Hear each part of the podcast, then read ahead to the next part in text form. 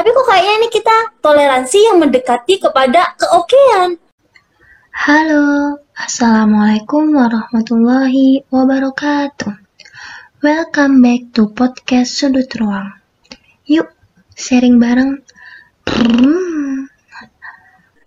Ya ini tadi pertanyaannya gimana ya? Jadi lupa, mohon maaf. Oh iya. Ini apa namanya? Yuk, tadi kan Mbak Fatih bilang ini ya.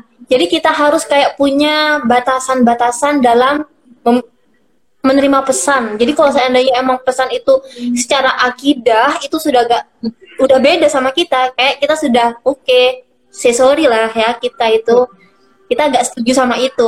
Nah, tapi kadang nih ada beberapa oknum yang ini, Mbak, main memainkan pesan ini. Okay. Jadi kayak LGBT nggak bisa, nggak boleh kayak gitu kan. Uh, Oke, okay, kita kan memang nggak setuju kalau ada kaum pelangi kan. Tapi ada beberapa oknum yang kayak menghiasi itu sampai kita harus dibilang toleransi lah atau kayak kita kayak oke okay, gitu. Kayak intinya tuh emang toleransi gitu ya. Tapi kok kayaknya ini kita toleransi yang mendekati kepada keokean. Padahal kan kita harus bisa bikin ini nih nggak terjadi gitu loh. Iya iya iya. Benar. Nah, dan gimana gimana mbak oh gitu Nah, soalnya kan yang bicara seperti ini ya, Mbak ya, itu bukan orang yang tidak memiliki pengaruh, tapi kebanyakan orang yang memiliki pengaruh, seperti para selebgram, bahkan sampai orang tinggi seperti menteri kan. Oke. Okay. Benar. Uh, mm -mm. Ah itu jadi kayak mau tambahin kasus, ada juga yeah, kasus yang serupa kayak gitu. Tapi boleh nggak sih di sini? Tapi pembahasannya tuh sama, Mbak. Nggak apa-apa. Maksudnya intinya pesannya itu tuh jadi kayak yang sempat yang kemarin aku sih yang warga Palestina waktu sholat terus di ini ditembak apa gimana terus katanya tuh kayak itu gara-gara warga Palestina yang cari gara-gara duluan sampai tentara Palestina eh tentara dari Israel tuh itu tahu tahu nggak sih yang itu? Hmm, pernah lihat kayak dilempar kayak bom gitu kan apa gas hmm, air dan aneh itu Nah, aneh kan dapat beritanya dan, dan salah aneh nih. Aneh tuh hampir kayak panik. Oh iya, aneh tuh sampai kayak gini. Gini mbak. Jadi kayak, oh iya bener juga ya kayak gitu kan. Tapi maksudnya ini tuh pertama aneh baca kasusnya tuh di pendapat yang seharusnya aneh tuh bilang aneh tolak keras. Oh enggak, ceritanya tuh enggak kayak gitu. Tapi emang bahasanya dia tuh yang cantik bener bunda.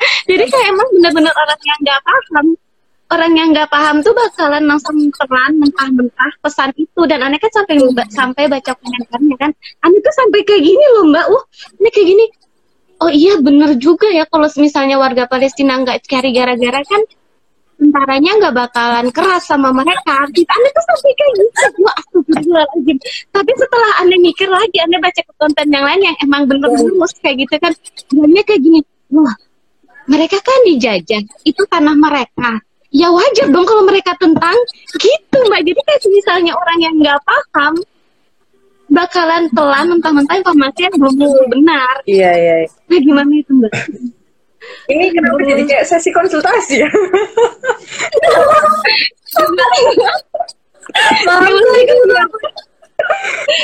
Silakan mbak Fatih oke oke. Uh, ini sih uh, Oke, okay, uh, Mbak bahas dulu yang soal kaum pelangi ya. Bahas dulu yang soal kaum pelangi. Mbak. Uh, pertama sih ini ya. Oke, okay, kita influence-nya nggak besar gitu. Kita omongan kita belum tentu didengar orang. Tapi ada pihak-pihak yang mempermanis penolakan itu dengan bahasa apa ya? Mempermanis keberadaan kaum pelangi dengan bahasa toleransi seperti itu. Hmm. Kalau Mbak sih pertama pertama kita harus tunjukkan bahwa kita nggak setuju. Orang tahu kalau kita nggak setuju. Pertama itu. Yang kedua, Mbak biasanya cari temen Mbak terdekat yang bisa dijangkau, yang punya pengaruh lebih luas. Nah itu biasanya Mbak pengaruhi kayak, eh kamu setuju nggak sih sama kaum pelangi bla bla bla, kamu ini dong kayak gitu. Itu sih cara Mbak. Jadi uh, apa ya? Kita nggak mungkin bisa memberikan dampak seluas itu, tapi dampak yang luas dimulai dengan hal yang kecil kayak gitu. Jadi jangan mengerjakan hal yang kecil gitu. Jadi uh, lakukan apa yang bisa kamu lakukan sekecil apa pun itu karena kan yang ditanyain sama Allah bukan seberapa sukses kamu tapi apa yang kamu lakukan gitu kan yang ditanyain gitu. Jadi Mbak ini ini tuh ini tuh yang sering kita lupain gak sih? Iya. Kayak maksudnya selama selama kita di UKKI ya, Hmm. di kita selama kita di UKKI ini yang ditanamkan kayak gitu Iya, kan. Cuma betul. pas keluar lupa. lupa Mbak serius Iya. tapi nanti lama-lama tuh inget terus lupa lagi inget lupa lagi kayak gitu. Iya. Heeh. Lanjut, ini Mbak. dari konsep dari dakwah fardiyah ya berarti ya. Iya. Benar. Gitu. Insya Allah. Kenapa tuh? Eh, jadi kalau Mbak sih seperti itu ya. Jadi eh, berusaha ini ya Mbak pun juga sering lupanya sama kayak teman-teman. Cuman Mbak berusaha apa ya karena karena kita nggak berhenti untuk cari ilmu, learning by apalah by googling lah, by apa by searching. Jadi kita itu terus ke reminder gitu. Jadi oh iya ya, oh iya ya wajar manusia lupa wajar. Dan Mbak pun juga sama gitu. Cuman keinget lagi, oh iya ya kadang kan kita pengennya yang kasih boom dampak besar gitu ya. Tapi ya gimana kita mau melangkah yang besar kalau kita nggak mau nyoba yang kecil-kecil dulu gitu loh. Kan sebelum ke puncak kan ada tangga-tangga nih yang harus dilewatin gitu. Ya udah dilewatin aja dulu. Kadang kita kemakan sama hasil. Wajar sih wajar. Karena sistem pendidikan kita itu mendorong kita untuk berorientasi dengan hasil bukan dengan proses. Itu wajar banget. Jadi ya ya udah cukup sadari aja beralih bahwa oh ternyata proses itu juga penting loh. Bahkan lebih yang dilihat Allah tuh proses gitu. Jadi ya udah gitu berusaha kalau mindset udah mulai belok dibenerin lagi. Mindset mulai belok dibenerin lagi. Kayak gitu. Itu sih saran mbak yang bisa kita lakukan sebagai generasi muslim milenial nih. Ya itu sih. Jadi kayak kita nyari pengaruh contoh kita bisa masuk ke organisasi-organisasi yang sekiranya sefrekuensi nah di situ kan kita dapat banyak lebih banyak masa lagi. Dan di situ pasti ada influencernya lagi kita masukkan isu itu gitu. Apalagi ini jagonya Dek Titin nih kan eh, ngangkat isu-isu yang populer buat dibahas nih kayak gitu. Benar. Gitu. Nah terus ini lanjut ke pertanyaannya Dek Dek Dek, Man, Dek Nurul ya yang soal gimana menyikapi berita-berita yang kayak gitu ya Iya Mbak. Eh, jujur Mbak sendiri pernah juga kepleset. Baca langsung percaya gitu. Baca langsung percaya terus udah Mbak post nih udah Mbak post gitu dan ditegur sama orang eh ini nggak bener loh kayak gitu. Oh ya terus ya malu dong pasti malu gitu. Apalagi dengan tit- punya titel sebagai seorang mahasiswa atau S1 ya harusnya kita jadi manusia yang lebih kritis. Tapi kok enggak gitu ya? Dari situ sih Mbak belajar ternyata semua informasi yang ada di hadapan kita itu kebenarannya belum 100% gitu. Kita coba cari sumber-sumber yang terpercaya. Dari siapa pun itu itu sedang berusaha Mbak terapkan juga Mbak biasakan juga. Kadang sampai sekarang pun masih suka kayak hah? Beneran? kayak gitu kan tapi terus oh iya kemarin pernah sempet salah nih kayak gitu. Ayo hati-hati Bim. Jangan sampai kamu penyebar hoax gitu. Malu ya punya titel S1 atau apa tapi kamu nggak hati-hati dalam mencerna berita. Itu sih. Jadi dan berusaha juga nge-share edukasi di di misal nih eh, ternyata bered- berita yang beredar luas itu salah. Otomatis kita punya peran apalagi berkaitan dengan Palestina buat nge-share guys ini loh yang benar kayak gitu. Walaupun mungkin dampak kita nggak sebesar influencer lain tapi setidaknya kita berusaha buat menginfluence orang-orang sekitar kita. Harapannya itu nanti jadi uh, word of mouth marketing ya jadi dari kata ke kata. Jadi orang sekitar kita tahu yang benar apa mereka nyebarkan lagi nyebarkan lagi kayak itu eh enggak loh yang benar yang ini loh kayak gitu. Jadi itu itu uh, apa ya pesan apa ya dampak berantai gitu efek domino lah bahasa gampangnya kayak gitu nah itu tadi Hmm. jadi Mbak pun juga masih belajar. Jadi itulah uh, pentingnya kita membuka mindset baru ya. Mau saya apa ya membuka membuka kacamata baru bahwa menerima pendapat orang lain salah satunya di situ tuh gitu. Keuntungannya gitu. Gitu sih. Kalau dari Mbak, mungkin ada tanggapan, masukan, respon, bonggo silahkan. Aneh malah jadi kayak yang ini mbak apa sih bukan menambahkan kayak lagi mau mau menambah pertanyaan itu Masya Allah, sekali Bunda. Silahkan, Sangat silahkan. ini loh sampai megang Jadi pas banget deh. Apa-apa? sampai megang megang pulpen sudah siap-siap nyatat jawaban. Ane tuh sampai takut lupa Ya Allah, Masya Allah. Iya, iya, mangga, mangga. Kalau bisa dijawab, Mbak jawab.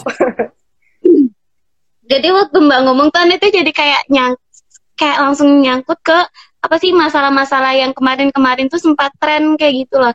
Jadi contohnya tuh kayak kasus yang undang-undang yang dikeluarin Oh, yang secara nggak langsung bilang kalau seks itu dibebaskan di Indonesia. Tapi maksudnya kan karena maksudnya kayak untuk melindungi undang-undang itu kan diciptakan buat melindungi wa- wanita kayak gitu. Iya, Tapi iya.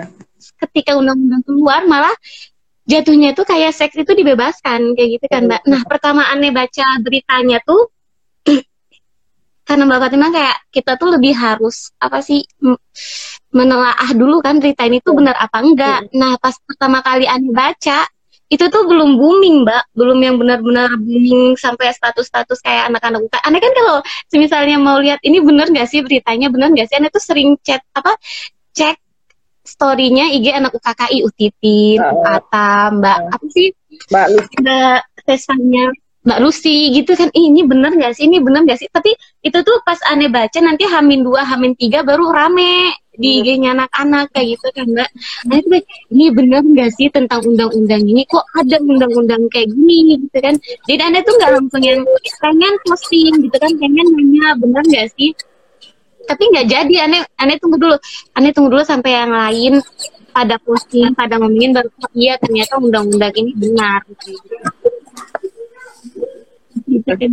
Oke. sama yang ini. Sama yang ini yang tadi anti balas story aneh tuh yang soal kondom Ah, Iya, soal nah kondom. beritanya kan kayak simpang simpang siur itu loh mbak yang soal ustad apa nge- ngehamili ya ngehamili Oh. 13 Oh, iya, iya, iya. itu kan. Nah, kan boomingnya itu kan bilangnya tuh di ponpes kayak gitu loh mbak Mm-mm. ya nggak sih Iya, Eh, iya, iya. jadi kayak banyak banget yang banyak banget yang apa sih di situ tuh jadi ladang kayak apa menghujat agama Islam kayak gitu loh.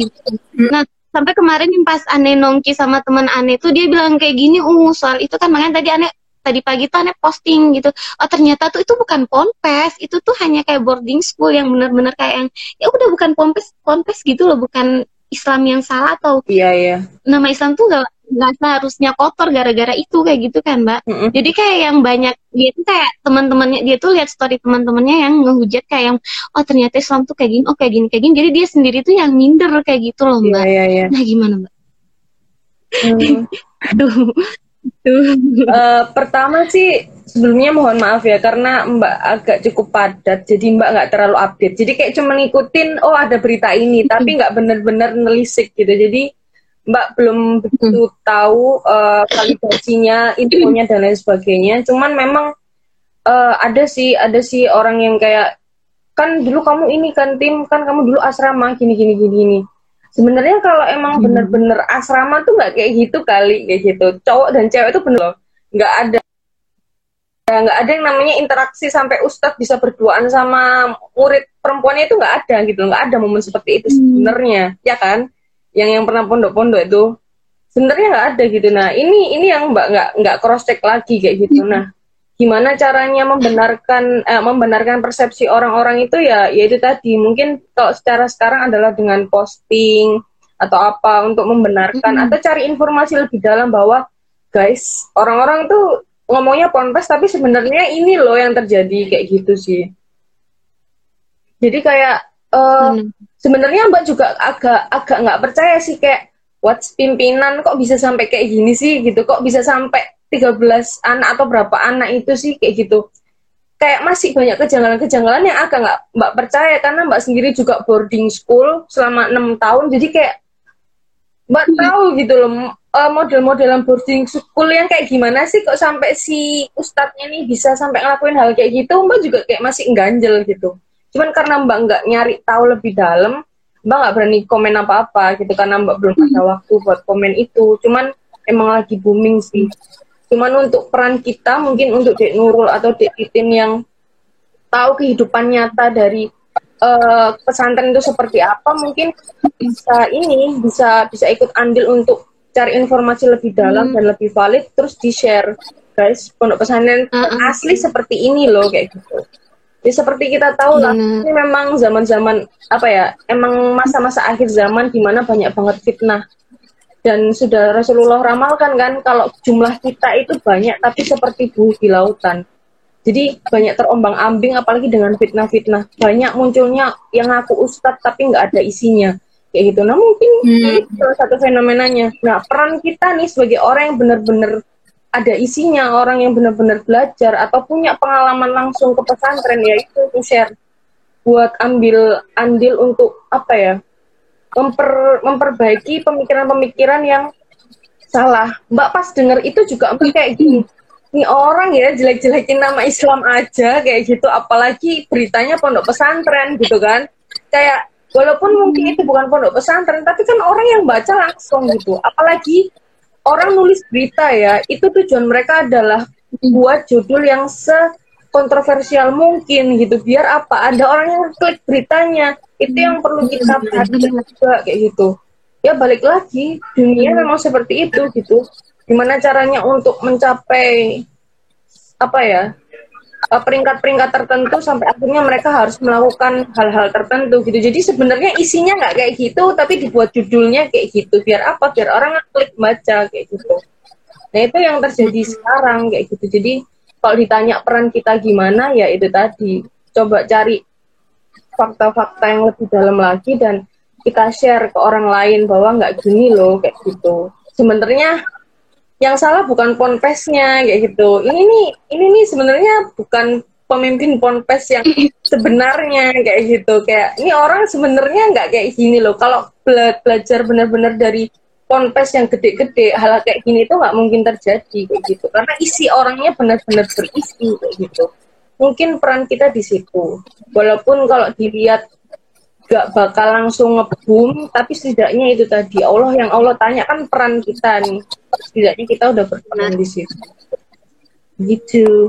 Jadi kayak aneh tuh pasti balik lagi maksudnya sekarang tadi kayak ngerti gitu loh mbak. Jadi setiap ngomong pasti aneh oh iya benar kata mbak Fatih Allah tuh enggak bukan dari apa sih bukan dari hasilnya tapi prosesnya tuh kayak gimana. Oke mungkin kalau kamu posting view story kamu tuh jadi dikit nggak apa-apa. Yang penting tuh ada yang tahu ada yang lihat dan niat kamu tuh tersampaikan iya gitu benar benar benar.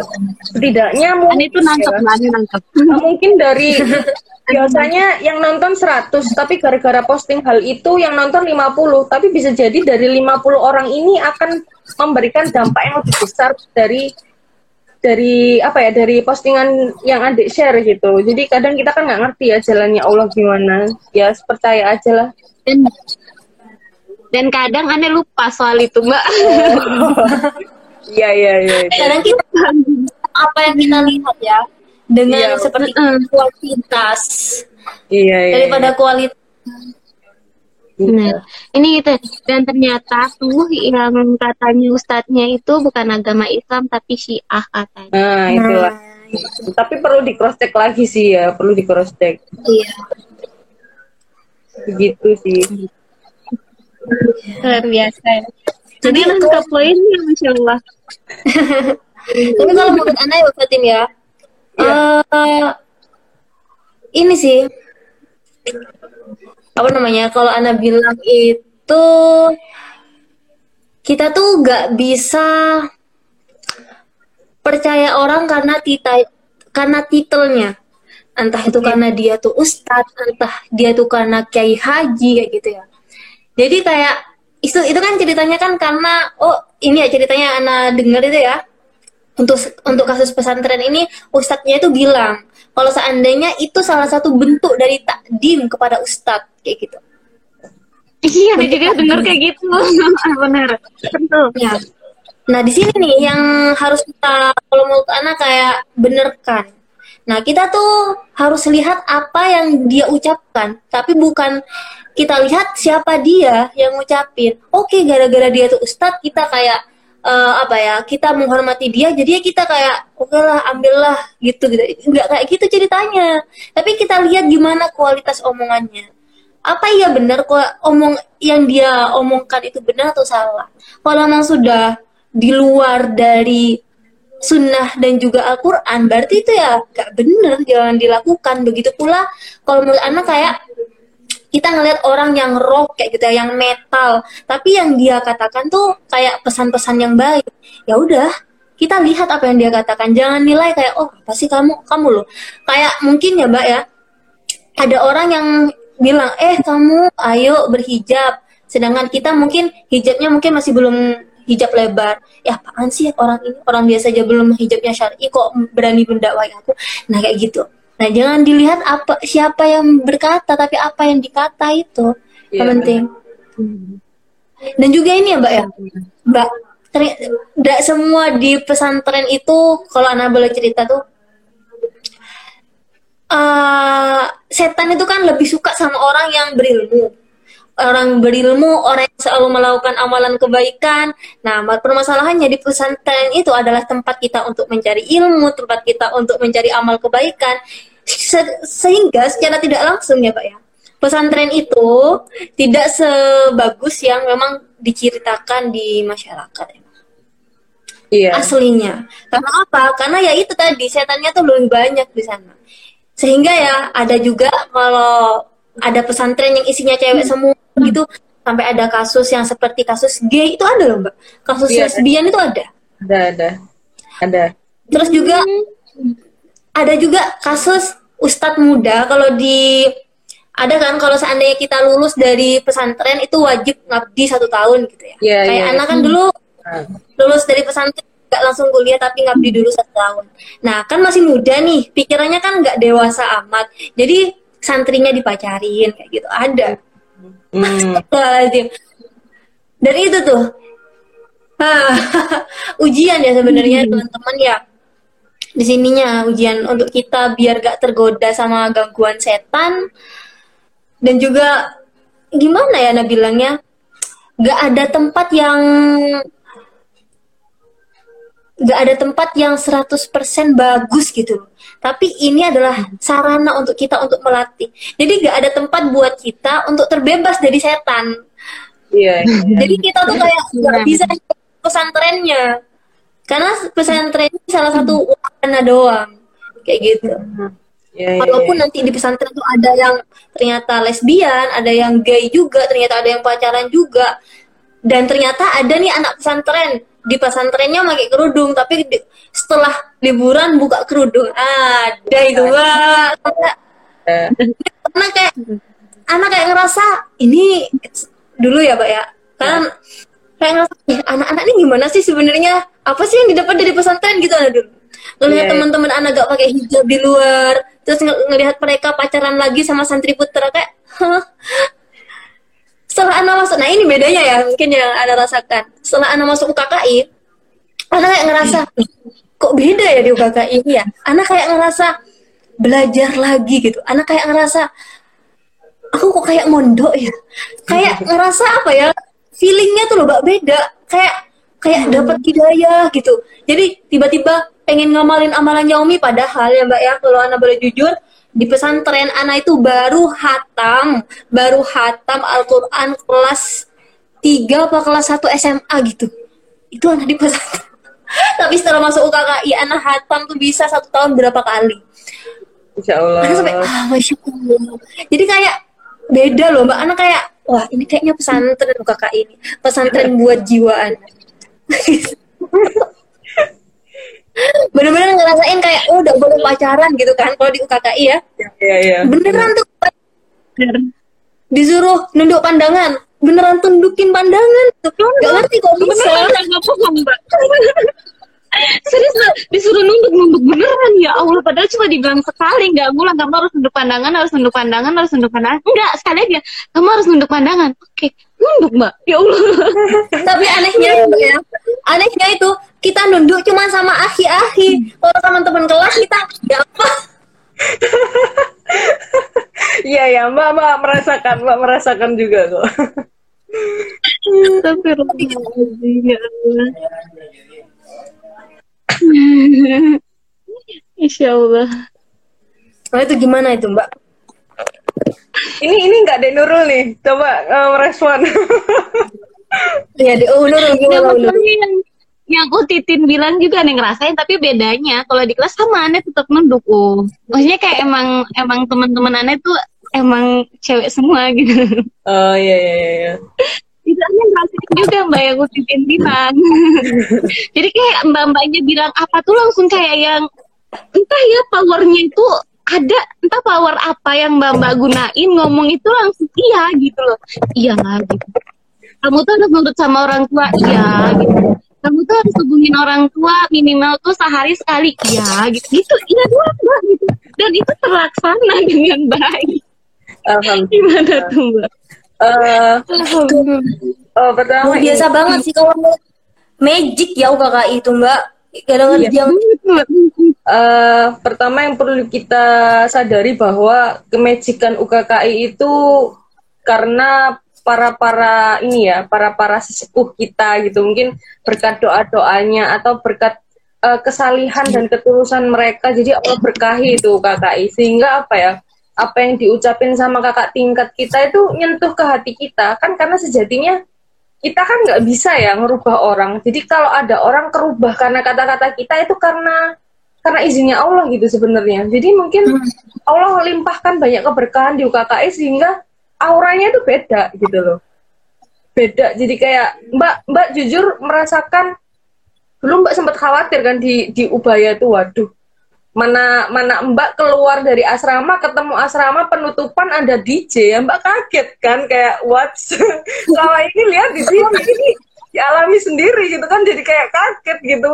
Ya Allah ya Allah dosa nggak ini dosa nggak ini kayak gitu ya. Tapi ternyata ketemu ketemu UKKI dan masya Allah banget kayak wow Eh, jujur UKKI sama sevisi sama sekolahnya Mbak dulu. Sekolahnya Mbak dulu itu sangat menekankan soal mahram nggak? Mahram soal tundukan pandangan itu ketat banget. Jadi eh, di sekolah Mbak itu pacaran merupakan pelanggaran besar. Jadi bisa diskor sampai tiga minggu bahkan bisa dikeluarkan kalau nggak mau putus gitu. Jadi Wah. sekolah Mbak seketat ya. itu. Jadi jadi Mbak kayak udah terbiasa sebenarnya gitu Eh, sudah terbiasa dengan kondisi itu bahkan ketanam dalam mindset Mbak bahwa kamu deket cowok sama dengan kamu cari masalah kayak gitu. Makanya Mbak bisa betah banget untuk menyendiri lah atau mungkin apa. Jadi Mbak kebiasaan gitu Mbak. Nggak biasa chat sama lawan jenis kalau nggak perlu. Itu kayak udah habit udah kebiasaan. Dan ya udah. Bener. Itu jadi kebawa gitulah. Nah itu itu yang pertama. Mungkin eh, karena keberkahan dalam UKKI itu yang bikin kita hatinya adem di situ, terus kita jadi mudah dalam mendengarkan dakwah-dakwah di situ. Ya itu karena keberkahan. Kan mungkin dulu sering kan kita dikasih tahu sama para tetuanya UKKI bahwa kita harus menjaga amalan kita. Kenapa biar Allah tuh ridho gitu loh sama organisasi ini biar Allah selalu sirami sama hidayah biar Allah selalu sirami sama keberkahan yang endingnya nanti bakal memperluas dakwahnya gitu. Mungkin karena kita minoritas jadi kayak bondingnya itu kuat gitu. Karena kita nggak safety nih nggak aman nih nggak secure nih. Jadi jadi itu yang buat kita kayak bekerja keras dalam usaha dan doa gitu agar kita bisa booming dan pandang sama orang lain gitu biar dakwah kita terasa. Itu yang pertama sih soal UKK-nya kayak gitu ya. Dan yang kedua soal pesantren. Eh, kompleks banget sih kalau mau dibahas kompleks banget. Karena pertama seorang anak itu masuk ke pesantren kita nggak tahu latar belakangnya apa. Dia dimasukkan karena keinginannya sendiri atau dipaksa orang tua? Karena menurut orang tuanya dia nakal. Itu yang kita nggak tahu. Karena emang banyak kasus. Mbak menyadari bahwa di saat seorang anak masuk pesantren pun si anak harus diwanti-wanti nak kamu pilih teman yang baik ya karena di pesantren pun ada teman-teman yang nggak baik atau bahkan bersifat troublemaker tuh ada bahkan temen- bener banget. Iya yang sebelum yang sebelum pondok pesantren dia baik-baik aja masuk pondok pesantren dia jadi troublemaker itu ada gitu. Kenapa? Karena pondok pesantren itu adalah mini society atau apa ya? eh, dunia kemasyarakatan versi mini gitu. Jadi kita bertemu dengan banyak orang, banyak apa nah proses orang buat dewasa di situ itu yang beda-beda. Ada yang mungkin harus nyemplung dulu, ngelakuin nakal-nakal dulu, baru setelah mentas dia sadar. Atau yang bahkan ada yang di pesantren itu dia jaga banget setelah keluar, dia malah jadi nakal karena dia nggak siap mentalnya ternyata. Proses orang beda-beda, jadi kita nggak bisa menyamakan. Dan memang di satu generasi itu nggak gampang karena orang orang tuh punya latar belakang yang berbeda-beda.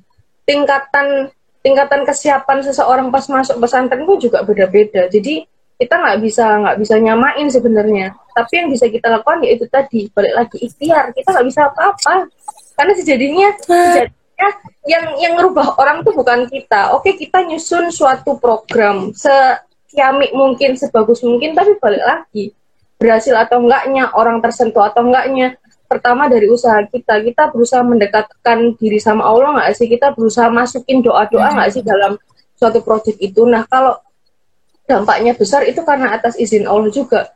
Kalau ada orang yang ternyata nggak mempan sama itu ya mungkin itu memang atas izinnya Allah mungkin itu memang prosesnya dia dalam suatu tingkat tertentu kita nggak tahu. Jadi kompleks banget sebenarnya kalau mau dibahas tuh. Kita nggak bisa selalu bilang lulusan pesantren pasti bagus. Kita juga nggak bisa bilang gitu karena itu tadi dimensinya udah beda kayak gitu. Bahkan seorang apa ya bahkan salah saudara pun keluar dari rahim yang sama makannya sama cara cernanya pun beda loh kayak gitu. Dari nasihat yang sama dari orang tua. Jadi kita benar-benar nggak bisa gitu. Justru dengan perbedaan itulah akhirnya membuat kita sebagai pribadi yang akan terus belajar sih kalau menurut mbak. Dan proses orang beda-beda tugas kita ya cuman menghargai prosesnya orang ya. Kalau ternyata setelah lepas pondok dia lepas jilbab ya ya sudah. Ya mungkin ya gimana ya? Kalau mbak sih juga nggak bisa apa-apa ya, selain mungkin doain dia kayak atau mungkin nanyain eh kok kamu lepas jilbab atau apa? Kalau udah akrab atau apa? Tapi sejatinya kita nggak bisa apa-apa sih kalau dari mbak sendiri. Kayak ya ya ya itu dinamikanya hidup gitu loh. Dan ya yes, kita tahu lah namanya keimanan kan naik turun kan ada futurnya. Nah mungkin itu kefuturan dia. Dan semoga di lain kesempatan lagi dia bisa kembali lagi buat ke jalan yang benar kayak gitu sih. Itu respon mbak. Allah takdir Allah Akbar. Wah nggak mbak isinya tuh kayak padat padat. Anda tuh anda tuh jadi kayak ini benang merah yang aneh ambil dari Mbak Fatim bilang tadi aneh tuh sambil ngoreksi kayak yang ke belakang ke belakang aneh yang aneh rasain gitu. Di refleks sebelumnya juga kan pernah kita bahas gitu kan um aneh tuh jadi narik kamu gitu kan. Ini sih yang dari UKKI juga maksudnya dari yang Mbak Fatim ngomongin dari tadi ya soal kasus ini tuh kayak kamu punya usaha sebaik apa pun gitu kan tapi kalau backingan kamu bukan Allah tuh nggak bisa. Iya, hmm. kamu tuh udah usaha, tapi kalau kamu nggak doain pun nggak bisa. Iya, kenapa waktu kita berproses? Benar kata Mbak Fatim gitu loh. Apa namanya waktu mbaknya tuh bukan hanya ngomong doang, tapi kedekatan mereka sama Allah pun terjamin. Pun Masya Allah mungkin di setiap doa-doa mereka tuh ada nama kita juga. Makanya setiap apa yang mereka katain tuh langsung, iya, gitu. Iya benar benar. Masuk baru paham mbak benar benar. Masya allah ini bang baru paham. Wah mbak makasih mbak. Kadang nggak usah jadi bapak kakak itu. Cukup dengan iya, kayak jadi dang gitu ya. Kalau kita salah kayak dilihat gini oh ya mbak gitu. Kayak kita ngerasa salah gitu. Oh ya yang salah ya gitu. Iya. Gitu doang. Jadi aneh tuh jadi ngoreksi. Jadi selama ke belakang ke belakang ini jadi kayak Ani tuh udah ngelakuin ini tapi kok nggak nyampe ke orangnya? Oh iya lupa doanya kurang robitohnya kurang namanya pun kurang. Nggak aneh sebutin di doa aneh tuh lupa ngedoain ya gimana mau nyampe kayak gitu. Iya keren sih mbak Fatim ya Allah luar biasa. Ya, alhamdulillah sih ini ada dengarnya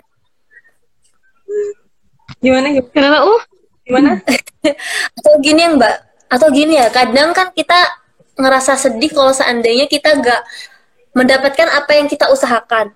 Benar-benar. Gitu kan? Betul. Nah, mungkin itu rasa sedih itu hadir karena kita tuh gak menyandarkan usaha kita tuh apa yang kita usahakan tuh karena Allah gitu. Jadi kalau kayak kita ngerasa apa yang kita kerjakan itu atas izin Allah dan Allah yang pokoknya Allah Allah, Allah kita kayak nyadar oh ya berarti kalau nggak di kalau ini bukan takdir Ana berarti Allah tuh gak ridho. Ya udah selesai gitu. Tapi sometimes kita ngerasa aku sudah berusaha gitu kan. Aku pengen masuk di universitas ini sudah berusaha aku sampai Allah kayak ngerasa itu usaha kita yang lakuin gitu bukan Allah. Jadi Iya, ya, iya. kalau gak mendapatkan kayak sedih sampai ya aduh sampai kalau orang-orang Jepang tuh kan bunuh diri sampai angka orang Korea juga sekarang katanya angka kematiannya meningkat gara-gara itu Betul. depres Hmm. Masya Allah sekali ya. Jadi dapat gitu nah benang merahnya, Masya Allah. Luar biasa. masya Allah Mbak tadi, Bapak tadi mau ngomong apa? Nggak tahu, lupa. Eh, Mbak orang yang Mbak, itu curiga, Ya, Mbak. mohon maaf, mohon maaf. Itu curiga, Mbak. Jangan-jangan, jangan-jangan Mbak Fatim ini kameranya kamera belakang. Oh ya? Enggak, saya- Enggak, Tam, Mbak. Mbak sendiri bisa ngeliat wajahnya Mbak loh. Oh ya, berarti nggak tahu di sini nggak kelihatan siapa. Eh, eh, coba ini deh, coba coba Mbak Lev nanti coba undang lagi ya. Oh oke oke oke Jangan Mbak, kayak gitu ya. Aku kata, eh, coba coba. Seru ya. Tapi bener loh, Mbak bisa ngeliat wajah Mbak sendiri loh. Masa sih? Ini cara kalau Tapi di sini nggak ada Mbak. Hitam.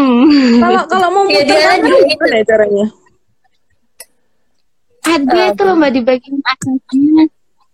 Muter. di bawah Tapi kalau Mbak bisa lihat muka Mbak sendiri berarti Iya, bukan kamera belakang dong, Mbak. Iya kan? Iya makanya kalau kamera belakang pasti Mbak bisa ini kan? Nggak bisa, ya kelihatan kamera belakang. atau tadi itu coba lihat terus tak undang lagi Iya iya coba coba ya coba ya. Oke Oke, Mbak. dulu ya. Oke, Mbak. Masya Allah luar biasa sekali Mbak Fatim tuh ya Allah Robin Mbak ini masih di sini Mbak Masya Allah luar biasa ya Allah Robin dari tadi Amil cari Kak Fatim Iya kan enggak dari itu kameranya gitu nggak kelihatan. Siapa? Siapa? Siapa? Itu udah.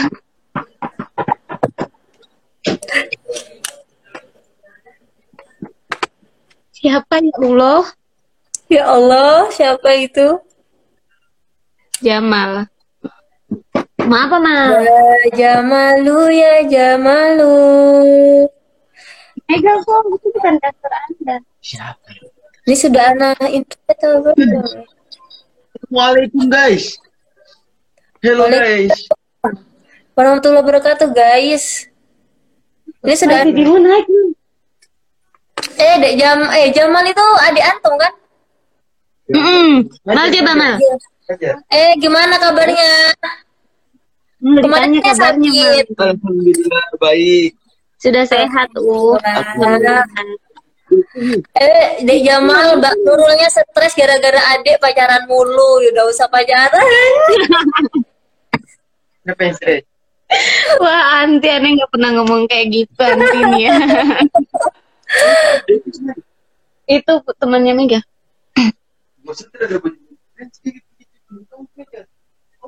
Oke, anak undang. Gabung lagi Sudah bisa belum ya Mbak Fatim ya? Biasa. Sudah. Mbak Oh, Masya. Allah. Ah.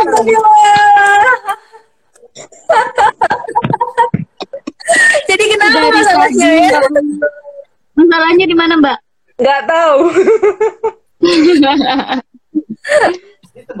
Mungkin karena gangguan di depan tadi kali. Terus ke ikut sampai akhir. Iya iya. Jadi ini Kak Fatim, Mbak Amel, Kak Fatim. Soalnya kan minggu. Halo, itu Mbak. Amel. loh kemarin. Baru kemarin kayaknya nanya gitu lo nggak live lagi tak apa? Nggak live lagi tak gitu kan. Terus aneh kan apa? Aneh itu cuma gabung di room chat soalnya nggak bisa gabung. Oh gitu. Iya. Eh, eh, ini aku Iya, kira bisa buat tadi. Ya, ini Nurul Fans Club nih. Iya, bener banget Mbak. Ada Nurul Fans Club itu. Jadi ceritanya Mbak, dulu tuh Nurul pernah bikin spoon, aplikasi spoon untuk radio gitu. Jadi dari sana, fandom dari sana. Oh, begitu. Masya Allah, luar biasa sekali ya. Luar biasa. Mbak Fatim pakai M Kamel. Apa? Apa? Fatim pakai M, nggak dibilangnya Fatim. Oh, iya iya. Sering sering terjadi, sering terjadi. Oke lanjut. Allah, luar biasa. Penuh, Allah. penuh banget ya ampun. Nih. Pikiran gini sih teman-teman. Kira-kira setelah eh, setelah kita banyak cerita tadi ya, apa yang bisa apa ya? Gim- Gimana cara bicaranya ya? Jadi menurut kalian, menurut kita gitu, yang bisa bikin pesan itu trending, bukan hanya trending menyebar luas ya, tapi juga sampai ke madung kita, ke orang yang kita dakwahi gimana? Cara-caranya, bagaimana caranya? Menurut kalian? Eh, Menurut kalian berdasarkan juga nanti. Oh ya, yang berdasarkan pernah melakukan ini buat radio-radio tadi, Dek, Dek Nurul mungkin. Apa Mbak Anet tuh kayak apa ya? Live terus kayak kan kayak itu kan kayak lebih ke kamu kayak lagi gabut terus atau kamu lagi ada masalah. Jadi Anet tuh kayak cuma buat konten kayak kontennya tuh kayak ya kayak gini sharing-sharing tuh mbak apa yang mau kamu tanyain tanyain kalau kamu mau curhat silahkan kayak gitu tapi endingnya tetap kayak ada berbau-bau agamanya kayak gitu loh Mbak. Terus Hmm. Jadi sasaran antum ini ya, apa namanya? Personal. Apa namanya ya? Kalau anak bilang tuh ya pendekatan personal ya Bapak Tim ya. Gimana? Iya bisa. bukan personal juga sih uh jadi kayak yang Iya kayak dari situ tuh banyak juga kayak teman aneh terus yang sering gabung, yang sering kayak sharing, sharing, sharing kayak gitu. Jadi kayak nggak hanya aneh doang yang dapat ilmu, cuma bukan aneh doang yang sharing, tapi mereka juga ngasih ilmu ke aneh kayak gitu. Oh. Tapi lebih ya kayak gini kayak, kayak ada apa berita-berita terbaru terus dibahas di sana. Oh gimana baiknya kayak gitu. Bener nggak sih kayak gitu? Iya, benar-benar itu benar.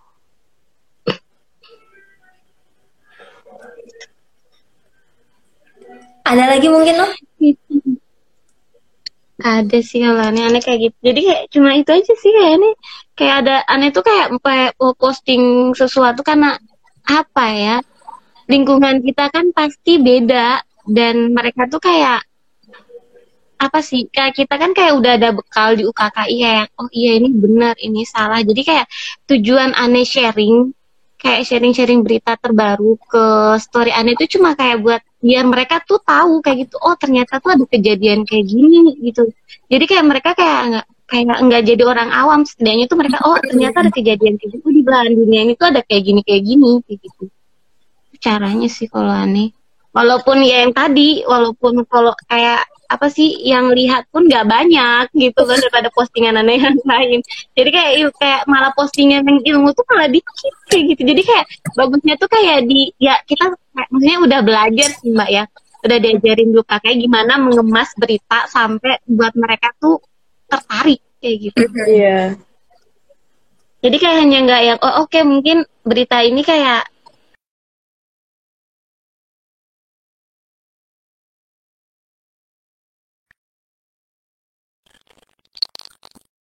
pintar-pintar membahasnya tuh kayak gimana? Sampai orang tuh tertarik dan tahu dan pengen tahu lebih dari berita itu Betul betul betul. gimana mbak Fatih?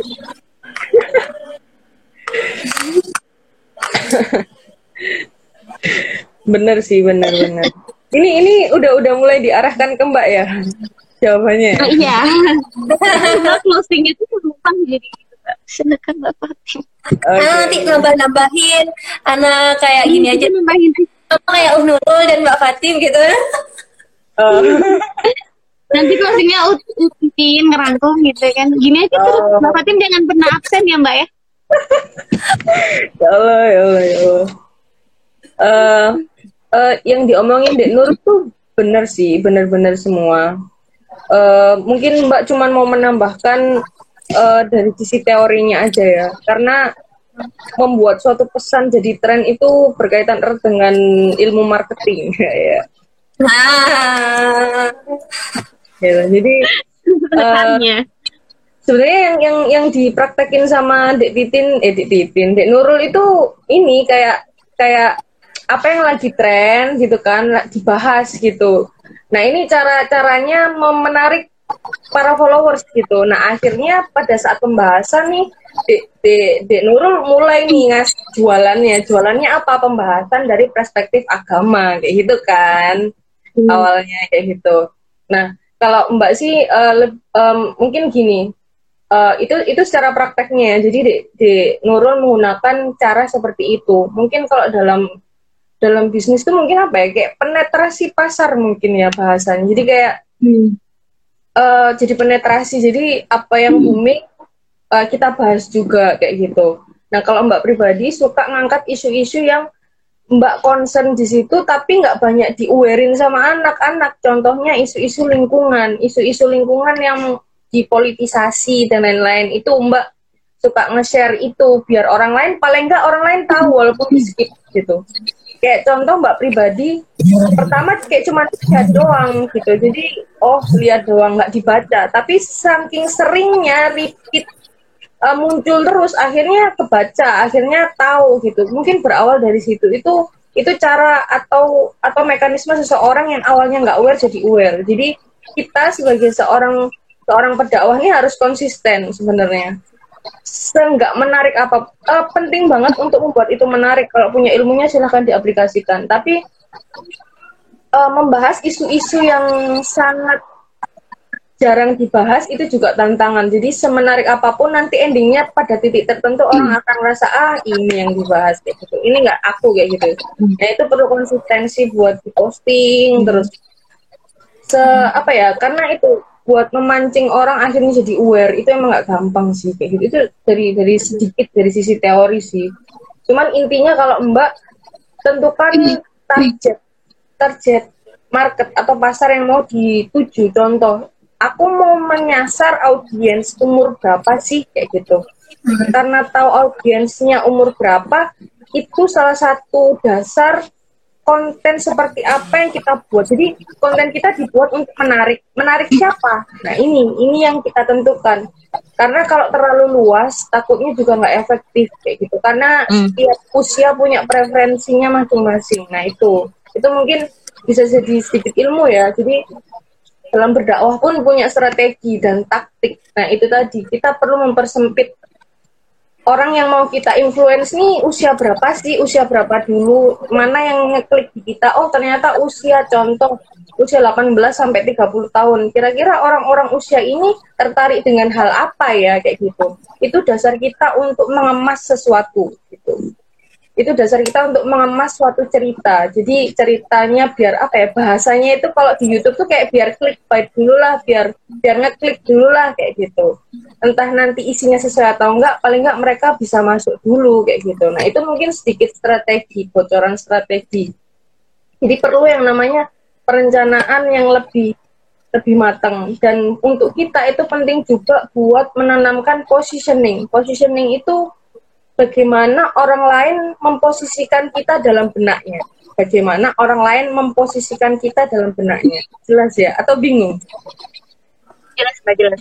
Oke, jadi contohnya, kalau aku gini deh, ini contohnya agak-agak sesuatu, tapi ini yang gampang dicerna. Contoh, Pasti kita sering cinta. bahas, kita sering bahas di Instagram kita tentang lika-liku atau tentang masalah pacaran dan pernikahan, kayak gitu. Contoh, jadi orang kalau mau cari sesuatu yang berbau agama tentang hal pernikahan atau tentang pacaran, pasti carinya ke kita. Karena dia tahu kita concern di situ. Kalau kita Branding ya, Mbak, ya? Iya, benar, branding. Jadi itu kalau dalam bahasa marketing itu kita sebut positioning gitu. Kita punya punya apa ya punya punya sesuatu apa sih yang mudah diingat sama orang oh kalau mau bahas soal pacaran dari sisi agama nih kayaknya ke Dek Nurul deh kayaknya ke Nurul deh kayak gitu kalau mau bahas soal improvement atau self improvement nih soal dalam pandangan Islam kayaknya ke Titin deh kayak gitu. Nah itu itu yang perlu kita bangun juga. Jadi kita perlu mempersempit pasar agar apa yang kita lakukan itu lebih efektif kayak gitu. Mungkin itu sih sedikit tips dan trik biar pesan kita lebih trending lagi.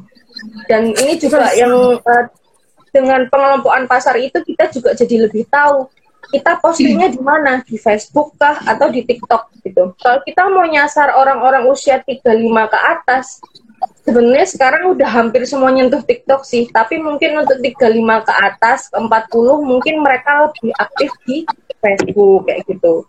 Itu juga penting untuk tahu uh, sasaran kita nih banyak mainnya di mana sih kayak gitu. Itu yang membuat pesan kita lebih mudah trending kayak gitu. Sedikit Luar biasa ya. Langsung dari pakarnya tentang marketing, guys. Jadi bukan cuman barang harus yang harus di marketing, dakwah kita, uh, terus diri kita, hidup Iya, kitanya benar. harus di marketing. Bener. Kan Biar mungkin lebih sering dengar kan soal ini personal branding kan udah udah sering dibahas tuh. Hmm. Nah, itu itu. Karena sekarang kan banyak influencer nih. Nah, influencer tuh yang dijual apa? Personal, personal branding, cerita story tentang dia kayak gitu. Makanya banyak pengikutnya. Nah, ini seru nih kalau Titin nih mungkin tentang self improvement kayak gitu kan, brandingnya, personal brandingnya. Jadi orang-orang yang suka sama self improvement versi Islam, versi agama bisa follow Dek Titin. Kalau soal-soal apa nih buat Dek Nurul nih, mungkin soal soal dunia pernikahan ke atau mungkin soal apa kayak gitu soal VMG lah atau nanti orang-orang yang suka dengan itu pasti akan ngefollow gitu nah itu itu itu salah satu bentuk personal branding Masya Allah luar biasa. Luar biasa sekali. Ada lagi mungkin Mbak? Branding. Kayaknya perlu tuh deh belajar lagi tentang personal branding anak. Atau nanti Mbak bicara bicara lagi tentang gitu Mbak. Sebenarnya kita dulu pernah ya Uh ya ngebahas tentang branding niat gitu. Tapi ya kita Oh. bahas nggak terlalu ini, nggak tidak ada pakarnya jadi kita ke mana-mana deh. Harusnya sih yang pembahasannya itu pasti ke mana-mana. Iya. bagusnya tuh kayak kalau kita udah ngasih pendapat terus endingnya tuh di Mbak Fatim jadi lebih ke arah arahnya tuh ke mana? Iya iya benar banget. Versi kita bisa Mbak Fatim. Iya. Nangkep sih aneh sama yang Mbak Fatim. Pokoknya nangkep semua paham aneh Mbak paham. Jadi kayak Allah. apa kamu tuh kayak mau apa branding diri versi ma- marketingnya Mbak Fatim kayak gitu. Maksudnya versi ma- marketing kayak gitu. Kamu udah tahu target pasar kamu apa, terus keunggulan kamu apa, itu yang kamu tonjolkan.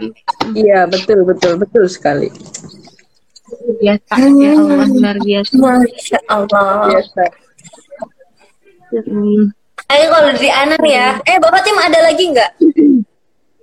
Eh, kayaknya itu dulu sih itu dulu. Karena kalau mau dibahas jembreng kayaknya bisa satu satu ini ya satu satu SKS eh tiga SKS Masya Allah. kayaknya tapi gitu tapi maksudnya setiap Mbak Fatim nyampein tuh masih nyangkut gitu loh. Nyangkut paham. Alhamdulillah. Jadi gimana Titin Waalaikumsalam warahmatullahi wabarakatuh. Ya teman anak yang lagi ini yang lagi yang lagi liburan di ini ah, Bali. Ya pengen banget ya ngamin selamatin dulu Waalaikumsalam Waalaikumsalam warahmatullahi wabarakatuh. Lanjut tuh Titin gimana? Nah kalau dari Ana, Ana tuh gini ya, Ana cuman kalau Ana itu ya, ya Ana sukanya tuh kayak baca baca potensi anak kayak gitu, sama kayak baca situasi. Jadi Ana kayak cuman fasili- fasilitatornya gitu loh. Nah itu Ana sih, Ana sebagai fasilitator. Jadi kayak anak ngebaca ya, oh kayaknya Onurul nih bagus deh kalau seandainya kita bikinin uh, podcast gitu. Oke lah, anak bikin tutorial hidup, anak undang Onurul dan juga Onurulnya mau untungnya waktu itu. Udah Onurul saya bawa tim ceritanya. Waktu Onurul, anak bingung nih siapa ya pembicaranya ya. Ah, nah coba Fatim. Ah kayaknya Mbak Fatim mau deh. Soalnya mbak-mbak yang lain tuh gak mau mbak. Ya udah nama aja oh, wah Mbak Fatim rek. Pas anak dengerin masya Allah luar biasa. Ini materinya ini semuanya tuh daging rek. Oke anak undang Mbak Fatim. Jadi kayak Jadi kayak gitu, perpaduannya itu pas gitu loh Umi ya perpaduan. Jadi kayak nggak hanya kalau kita berdua kan kayak kayak apa ya kurang endingnya tuh kayak kurang apa gitu ya Uh ya. Tapi kalau misalnya kurang. ada Mbak Fatih jadi lengkap kayak gitu loh. nah itu. Jadi kayak ah, ini diperlukan juga nih berarti nih kayak kita menjadi fasilitator. Dan juga bisa membaca apa namanya SDM ya kalau nggak salah ya. SDM teman-teman kita. Nah terus nah ini permasalahannya mungkin. Kadang-kadang ya banyak ya mbak ya apalagi ukti-ukti itu kan malu untuk tampil di depan kamera di sosmed gitu. Nah ini dah. Ini dah sedikit kayak menurut anak tuh kayak sedikit apa ya kalau dibilang tuh kayak gangguan ya kalau dibilang ya. Gangguan dalam dakwah. Soalnya kan mau gak mau dakwah itu harus ya jalan di sini sosial media gitu. Mm-mm. kalau seandainya kita kayak malu terus gitu kan? Ya gak ada.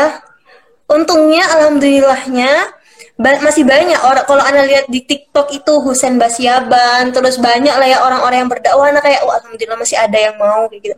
Anak lihat teman-teman anak kok ada ada ya dari UKKI ini ya? Ukti-ukti anak nih ke mana? Kayak gitu anak kenapa gak ada yang mau? Nah di situ sih. Jadi kayak kita harus memove apa ya? Kita eh, kita memulai sambil memotivasi. Jadi kayak awalnya kan nggak mau semua nih malu-malu semua. Tapi kayak ngelihat anak coba bujuk lagi alhamdulillah ada yang mau. Anak bujuk lagi mau nggak? Jadi oh enggak dia tutorial hidup. Oh iya boleh gitu. Jadi kayak anak oh masya allah alhamdulillah ya dilancarin juga kayak gitu. Kalau aneh sih kalau yang aneh lihat ya uh ini sih lebih ke prinsip sih. Kayak prinsip tiap orang kan beda-beda gitu kan. Mungkin Nah. ada yang oke dakwanya tuh cukup kayak lewat postingan. Ada yang mungkin kayak oh dia tuh bisa berdakwah tapi apa ya nggak mau menunjukkan dirinya kayak gitu loh gimana ya? Gimana ya? karena setiap orang kan kayak oh aku tuh nggak mau kayak dikenal sama publik gitu cukup postingan kok yang ini. Soalnya kan kalau di sini kan kayak apa sih coba Mbak Fatim lengkap itu kalau menurut Ana karena prinsip orang kalau istilah dari Ana sih karena prinsip orang berbeda-beda gitu kalau aneh ya ya udah nggak apa-apa karena niatnya emang apa sih berdakwah dan ya pede-pede aja kayak gitu kan toh nanti benar salahnya nambah Fatim yang menilai gitu kan kalau salah ya ditegur gitu loh Mbak. Nah, iya. Ya untungnya itu ya teman-teman kita yang masih mereka masih mau untuk nge-share. Nah, Iya. untuk sharing-sharing, sharing ya, sharing postingan dakwah lah dan lain-lain. Alhamdulillahnya di situ.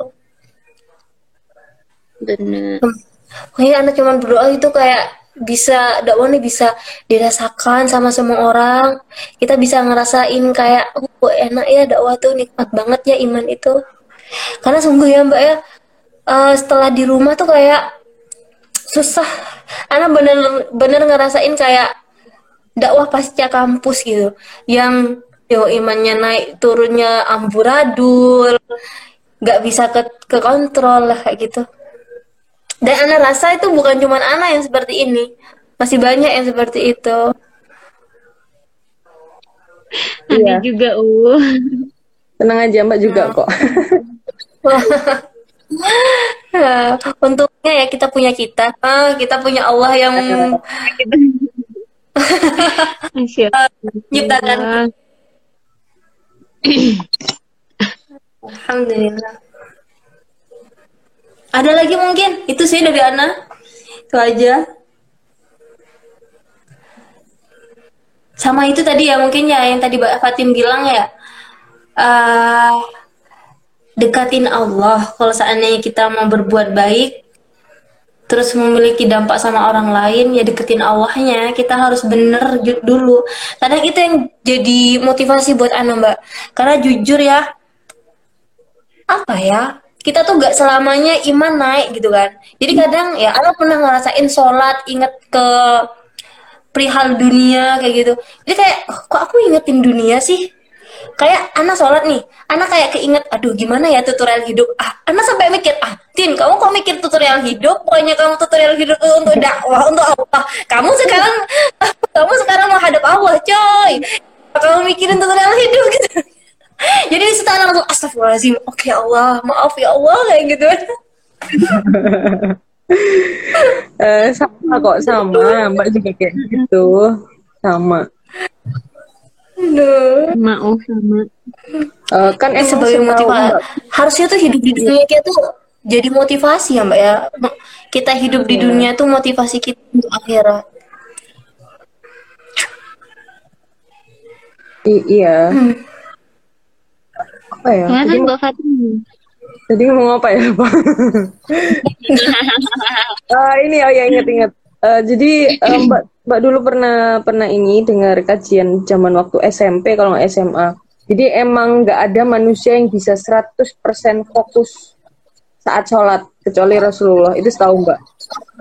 Dulu pernah kok ada sayembara. Pernah pernah dengar nggak? Ada satu hadis tuh ada sayembara siapa yang bisa fokus eh, sholat nggak inget apa pun cuman nggak inget tentang hal duniawi itu bakal dikasih hadiah 100 unta apa apa gitu mbak lupa. Cuman karena dulu kan orang-orang muslim tuh jujur-jujur ya jujur-jujur. Jadi ada waktu itu ah, mbak lupa namanya siapa sahabat nabi hampir. Tapi akhirnya pas mau salam atau apa itu dia inget tentang suatu hal duniawi dan dia jujur ngomong. Saya nggak bisa. Jadi emang emang emang apa ya memang sebenarnya kan Allah udah jelasin bahwa manusia emang selemah itu gitu. Eh, Mbak sih ini ini pemikiran Mbak pribadi ya. Ini pemikiran Mbak pribadi. Ini cara Mbak buat memahami sesuatu. Jadi nanti kalau ada yang salah monggo silakan dikoreksi. Jadi Mbak merasa bahwa mungkin dengan Allah menciptakan kita sebagai makhluk yang super lemah dan super super banyak kesalahan mungkin dari situ Allah ingin menunjukkan bahwa hai aku ada aku loh. Aku adalah seorang eh bukan seorang. Aku adalah zat yang maha penyayang. Aku adalah zat yang maha penolong. Karena dari situ kan kita tahu bahwa oh Allah maha penolong. Oh Allah maha kuasa. Oh Allah maha membantu oh Allah maha apa. Jadi dari kelemahan itu kita bisa belajar bisa menangkap bahwa Allah maha segalanya bahwa kita nggak bisa apa-apa tanpa Allah gitu. Karena ya itu tadi dari kelemahan kita sebenarnya kita bisa sadar bahwa Allah adalah zat yang maha segalanya bahwa kita nggak bisa apa-apa tanpa Allah. Itu sih menurut Mbak sih. Jadi wajar manusiawi banget kalau manusia seperti itu. Pokoknya ini prinsip Mbak sih. Yang selalu Mbak ngomong ke diri Mbak. Mbak pun juga sering kali futur gitu ya. Dan Mbak selalu bilang gini tim sefutur apa pun kamu jangan pernah tinggalin sholat. Semalas apa pun kamu jangan pernah tinggalin sholat. Sejauh sejat apa ya sedalam apa pun kamu jatuh please ayo bangun lagi kayak gitu. Itu yang selalu Mbak bilang ke diri Mbak sendiri. Jadi please jangan pernah ngerasa capek kamu buat balik. Jangan pernah. Sedalam apa pun kamu terjerumus please ayo balik lagi. Pokoknya jangan jangan pernah jangan pernah kamu rasa lelah buat balik. Karena Allah pun nggak pernah merasa lelah buat memaafkan kamu kayak gitu. Mbak selalu bilang kayak gitu ke diri Mbak. Jadi kayak buat pecutan gitu kayak jangan pernah menyerah dalam suatu kegagalan kayak gitu. Apalagi kegagalan dalam beribadah atau dalam menghamba sama Allah itu jangan jangan pernah kamu capek buat balik gitu. Pokoknya mbak selalu bilang itu ke diri mbak. Jadi mbak pun sama kayak adik-adik atau mungkin bahkan mbak lebih parah gitu. Pernah dalam satu waktu futurnya terlalu gitu. Tapi mbak selalu bilang gitu ayo kamu nunggu di di sliding sama Allah gitu. Kamu nunggu nunggu ditampar dulu sama Allah baru kamu balik gitu. Ayo ayo kayak gitu jadi cara ngebusnya ya itu coba cari buku, cari buku yang bisa ngebus mood atau ngobrol atau diskusi sama orang-orang yang kita anggap alim gitu, orang-orang yang bisa kasih good influence ke kita atau nonton sesuatu YouTube atau apa yang bisa ngebus. Kayak itu sih cara Mbak. Jadi wajar banget kok kita itu down uh, up and down soal agama. Tapi yang penting kuncinya kita jangan pernah capek buat balik kayak gitu. Amin ya rabbal alamin. Itu semangat dibilang semangat ber- berbuat hal-hal baik kakak-kakak semua amin. Makasih Ibu Bidan. Amin. ADM-nya Ibu Bidan. Kajiannya di mana? Aneh ini dong Mbak. Jadi ini tuh yang Mbak bahas tuh Aneh tuh pernah bilang ke Utitin ingat nggak tuh saking seringnya futur. Futur balik lagi futur balik lagi futur balik lagi. Sampai sekarang tuh tahapnya aneh tuh takutnya gini mbak aneh tuh udah pernah bilang sampai di titik yang sekarang ini tuh aneh tuh sampai bilang ke Utitin ini kali ini kalau futur lagi aneh tuh takutnya udah nggak tahu cara baliknya tuh gimana mbak. Gitu takut banget tuh ya Allah. Beneran mbak. Eh, mungkin cara ini baliknya tuh nanti Iya, Nah, mungkin cara baliknya lagi tuh yang susah gitu loh mbak. Heeh. Cuma kayak yang mungkin kayak sering-sering lah, uh kayak aneh mager hari ini, ternyata aneh mager. Uh. Aneh tuh lihat chat anti, cuma aneh tuh ngumpulin lihatnya tuh masya Allah. Mbak. Terus nenek juga. Astagfirullahaladzim. Ada balasan chat padahal. Aneh tuh lihat, cuma kayak aneh bilang, ah, ntar aja deh, ntar aja deh, ntar aja deh balas. Eh kebablas sampai malam tuh kan. Aneh tuh kayak pas pas udah ngumpulin ini tuh, ini sih. Makanya kayak emang kayak salah satu apa sih dibilangnya nikmat yang paling yang nggak bisa apa sih? Kalau kamu punya teman yang soleh itu gimana sih kata-katanya? Apa salah satu apa yang yang Allah berikan tuh ketika kamu tuh dikelilingi sama orang-orang yang soleh. Dan aneh tuh masya Allah ini luar biasanya tuh untung di ini terus sama utitin mbak. Kalau nggak tuh nih ya Oh, ini bakalan kayak Alhamdulillah. aneh tuh aneh tuh udah lihat uh, serius. Nih nih. Malah malah nggak apa-apa habis ini kemarin aneh lagi chatting aneh tuh lihat di spam mbak. Tapi kayak aneh tuh kayak yang ya Allah ya bentar deh ngumpulinnya dulu ngumpulin. Sampai tadi tuh ya jam 9 eh jam 8 tuh aneh tuh pas titin udah oh, udah di tag nih ya Allah. Udah di tag udah di tag di, di tag nih nggak mungkin kan? Nggak mungkin aneh nggak ikut live ya Allah. Ya Allah ini kayak udah- jadi dari jam 8 tuh ya um itu benar-benar tinggalin HP kayak aneh minta makan gitu aneh ngurusin jadi jadi jam 8 tuh aneh tuh udah ya kayak ayo nurul ayo. Jadi yang pas 15 menit mah 15 menit jam 10 tuh apa aneh tuh udah udah siap-siap udah. Jadi pas anti telepon ya Allah OTP ini aneh lagi siap-siap. Gitu. maafkan aneh ya itu jadi kayak ini tuh salah satu sarana ini masya Allah banget ya Allah semoga apa sih kebaikan nanti dibalas sama Allah ya. Uh, jadi ini salah satu apa sih cara Allah buat aneh tuh balik lagi. Balik lagi tuh melalui utitin mbak. Masya Allah luar biasa. Masya Allah, Masya Allah, luar biasa. biasa. Ya, itu, itu pentingnya kita berjamaah. Heeh. Ya kalau kita bertemu sama orang-orang yang baik kan dan pas aneh ikut les ini ya nggak sia-sia gitu kan. Aneh tuh dapat Oh, ya Allah bener. Aneh tuh kayak ketampar ketampar ketampar dari tadi. Kita buat jalan sendirian tuh kayak gak bisa gitu kan.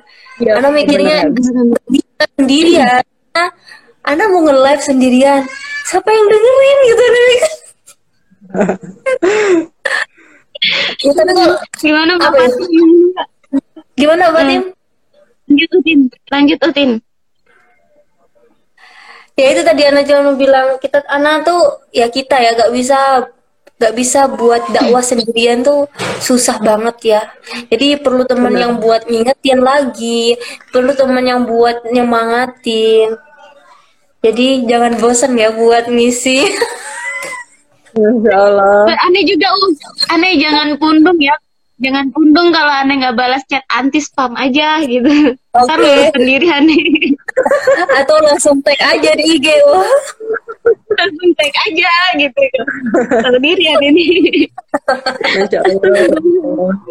Gimana mbak Fatin tanggapannya Apa yang perlu ditanggapin ya? Eh, sebenarnya sih ini sih, eh, Mbak cukup iri ya dengan persahabatan kalian ya. Karena emang sahabat yang mengingatkan kita ke jalan Allah itu luar biasa berharga banget sih mereka kayak gitu dan dan Mbak sebenarnya salut banget sih sama Dek Titin tuh yang mau memulai buat aktif di sosial media, dakwah di sosial media itu Mbak sebenarnya kayak amazing banget kayak amazed gitu, amazed ter terkagum-kagum ya. Karena jujur bener kata Dek Nurul bahwa setiap orang punya zonanya zona nyamannya masing-masing. Ada yang suka lebih ke posting aja atau suka nulis aja. Ada yang suka show off gitu wajahnya nampil dan percaya diri dan Dek Titin berani itu mbak udah kayak wow gitu. Dan dan semoga Allah mudahkan segala urusan Dek Titin karena Dek Titin sudah meluangkan berbagai macam waktu ya. Waktu dan media sosialnya buat dakwah itu semoga Allah mudahkan dalam segala urusannya. Dan ini luar biasa banget gitu loh. Dan akhirnya bisa memotivasi orang lain gitu. Dan Mbak juga orang yang nggak percaya dirian pun akhirnya memberanikan diri gitu buat muncul live di sini gitu. Akhirnya juga emang kita mendapatkan daging ya Uh ya. Iya makanya. Banyak loh dan masya Allahnya tuh dan anda tuh masya Allahnya utitin ya mbak. Istiqomahnya dia tuh ya Allah nggak ada absennya mbak. Nggak ada. Luar Jadi biasa luar biasa banget. Gimana sih intinya tipsnya aneh tuh ya maksudnya mungkin kalau kalau misalnya nggak halangan kan masih bisa ngaji sholat. Jadi kayak yang yang futur pun udah puter-puter amat kamu kamu tuh masih ya kayak sama kayak Mbak Fatin kayak gitu seputer-puternya kamu jangan pernah ninggalin sholat kayak gitu jangan pernah ninggalin Iya. sholat itu kan kayak yang iya balik lagi balik lagi kayak gitu tapi kalau pas halangan ini posisinya ini lagi halangan jadi kayak yang aduh utitin ya Allah ini lagi mager utitin ya Allah luar biasa loh dapat teman kayak gitu ini luar biasa. Aduh. Iya, biasa banget. Sebentar, aneh cari. La haula wala quwata illa billah. Aduh, Ana tuh butuh diingetin soalnya juga. Ana butuh kayak Ana ngerasa butuh gitu loh, Mbak.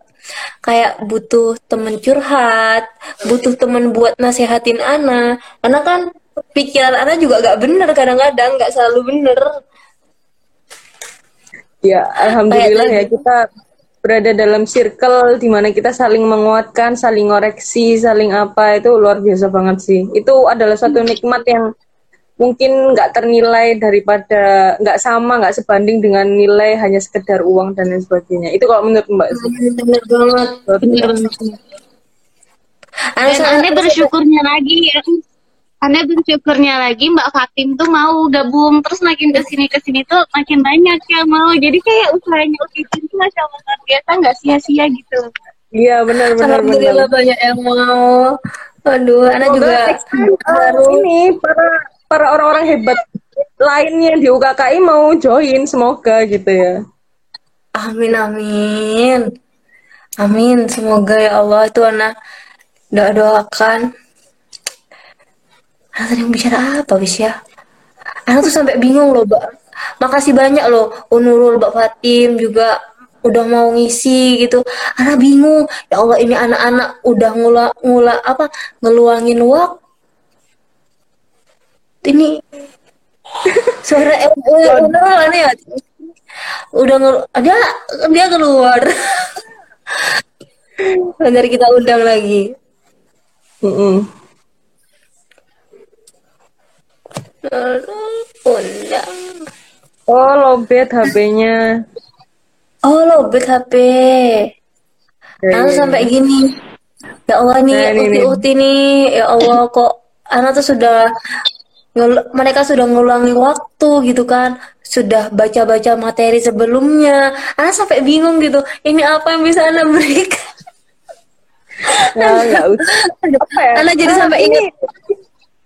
Deditin tuh udah udah ngasih ngasih sesuatu yang nggak ternilai tau nggak ngasih kita kesempatan buat beramal jariah tuh luar biasa banget Luar biasa. Beneran. Dan istiqomahnya itu yang aneh salut mbak. Salut iya banget. benar benar benar. kayak tidak tergoyahkan gitu ya. Kayak ya ada mesti ada aja. Mesti kayak yang aneh bilang aneh sendiri itu belum tentu melakukan hal baik itu bisa istiqomah. Ini pun karena di teror terus kayak gitu terus terus sama utitin ayo uh mau bahas apa ya minggu ini? Anti bisa nggak? Jadwalnya kapan? Oh di Masya Allah. Aduh, apanya? Astagfirullah. nggak apa-apa Kadang pun materinya auto ganti ya, Bun ya. maksudnya kalau anti nggak kayak gitu kan malah aneh ya nggak tahu gimana nih nantinya gitu loh bersyukur aja nih tuh masya allah luar biasa ya allah Robbi Alhamdulillah. Semoga kita sama-sama istiqomah ya di Amin. Jalan dakwah meskipun kita sudah berpisah. Oh, sedih antar pulau, antar Semoga kita selalu bisa ya itu bermanfaat bagi sama. Amin. Amin. amin. Hmm. Masya Allah ini sudah hampir mau dua jam tanpa kita rasa guys luar biasa sekali di di di Papua jam berapa nih Mes? Di Papua jam 11 eh mau jam sa- eh jam 12 ya Gak apa-apa, besok libur. Libur besok. Uh. Masya Allah luar biasa sekali Eh, apa eh, pengorbanan totalitas tanpa batas. Masya Allah. aduh luar biasa Nurul Nurul nih Gak bisa lihat Andin ya berarti ya Ibu Antum ikatan cinta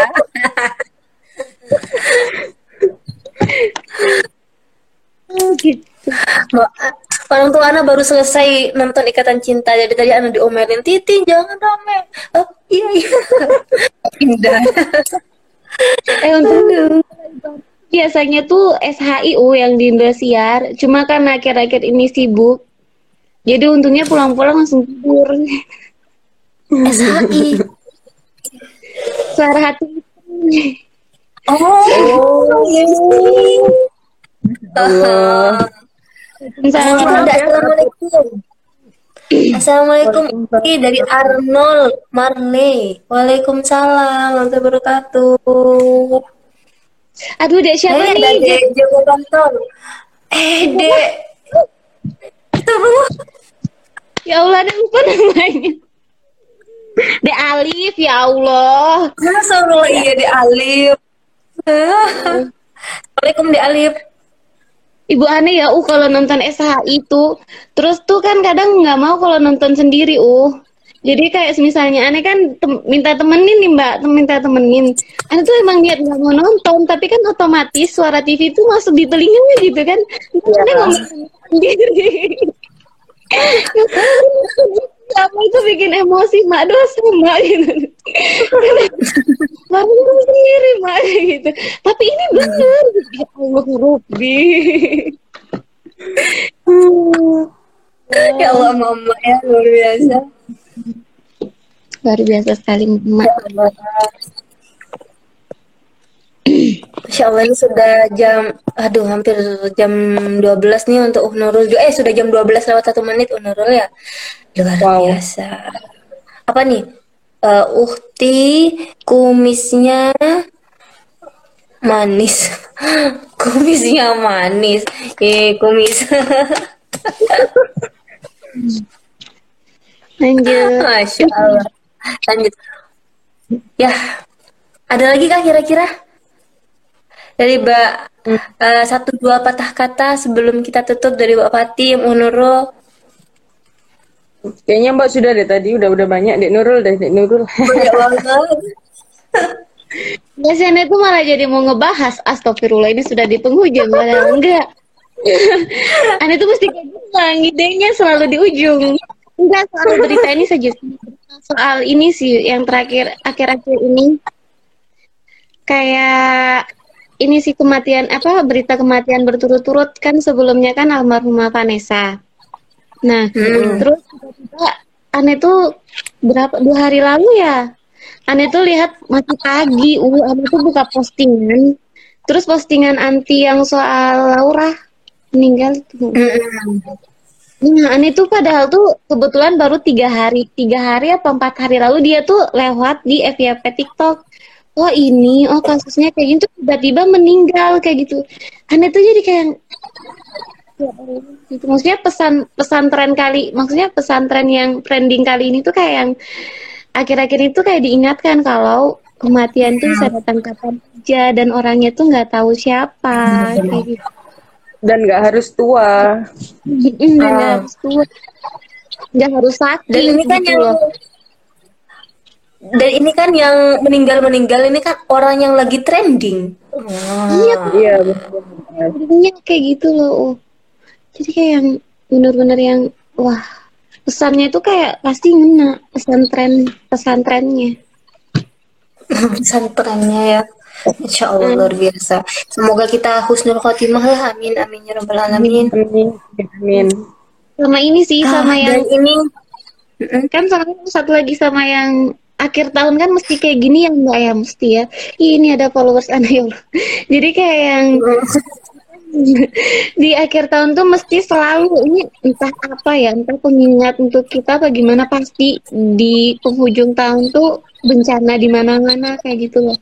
Aneh tuh pasti selalu selalu telat pas tiba-tiba teman anak chat loh ini di kayak di NTT kemarin pas aneh tuh dapat beritanya pas selesai alhamdulillah kalau apa bencana tsunami itu ternyata nggak jadi udah udah udah aman gitu Mbak. Eh, putus-putus nggak sih? iya Iya, putus-putus rada melek juga. udah aman belum Sudah, sudah, sudah. soal yang ini bencana gempa bumi di NTT kemarin itu loh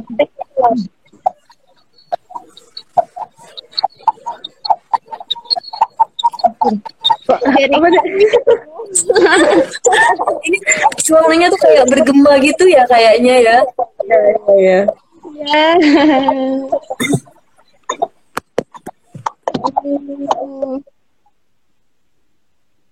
Udah sih. Berguna. Mesti gini Mbak selalu ya Allah di ujung. Masya Allah. Ya didukung oleh Son guys. Iya. Udah, Lanjut tuh lanjut tuh. Masya Allah luar biasa sekali. Oke. Ini suaranya juga mantul-mantul ya suara Ana ya? Eh, enggak, enggak. Kalau di Mbak enggak.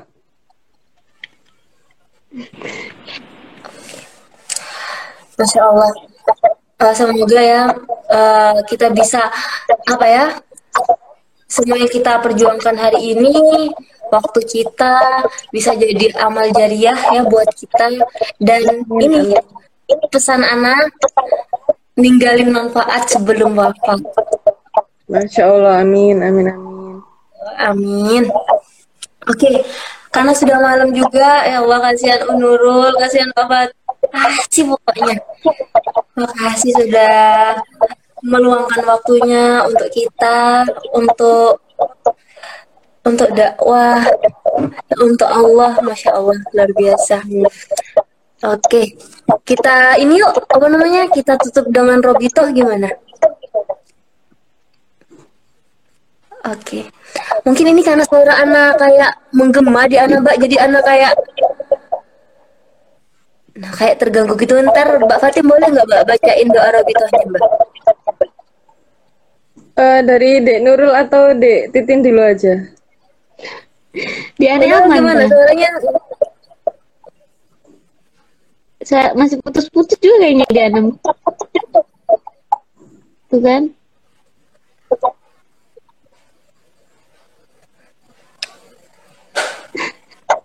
Kasihan aneh. Gimana, gimana? Sik, sik. Ya, Mbak juga ngelek. Aduh. Ya udah, Ana aja wes yang baca doa Robitohnya ya. Oke, Bismillahirrahmanirrahim. Marilah kita tutup acara tutorial hidup kita pada hari ini dengan bersama-sama baca Alhamdulillah. Alhamdulillahirrahmanirrahim. Istighfar tiga kali, astagfirullahaladzim, astagfirullahaladzim, astagfirullahaladzim. Doa kafaratul majlis, subhanakallahumma bihamdika, asyhadu an la ilaha illa anta, astaghfiruka wa atubu ilaih. Taib pimpin doa Rabitoh ya. Bismillahirrahmanirrahim. اللهم إنك تعلم أن هذه القلوب قد اجتمعت على محبتك والتقت على طاعتك وتعاهدت على نصرة شريعتك فوسك اللهم رابطتها وأدم ودها واهدها سبلها واملأها بنورك الذي لا يخبو واشرح صدورها بفيض الإيمان بك وجميل التوكل عليك وأهدها بمعرفتك وأمتها على الشهادة في سبيلك. إنك نعم المولى ونعم النصير. اللهم آمين. وصل اللهم على سيدنا محمد وعلى آله وصحبه وسلم. والحمد لله رب العالمين.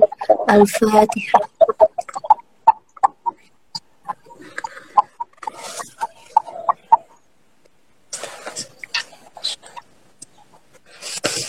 Masya Allah, jazakumullah semuanya. Jangan bosan ya. Insya Allah next anak undang lagi.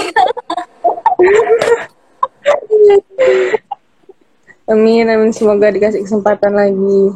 Amin, amin. Oke, anak ini langsung anak N nggak apa-apa ya? Iya, iya. Ayo kita foto dulu, kita foto dulu.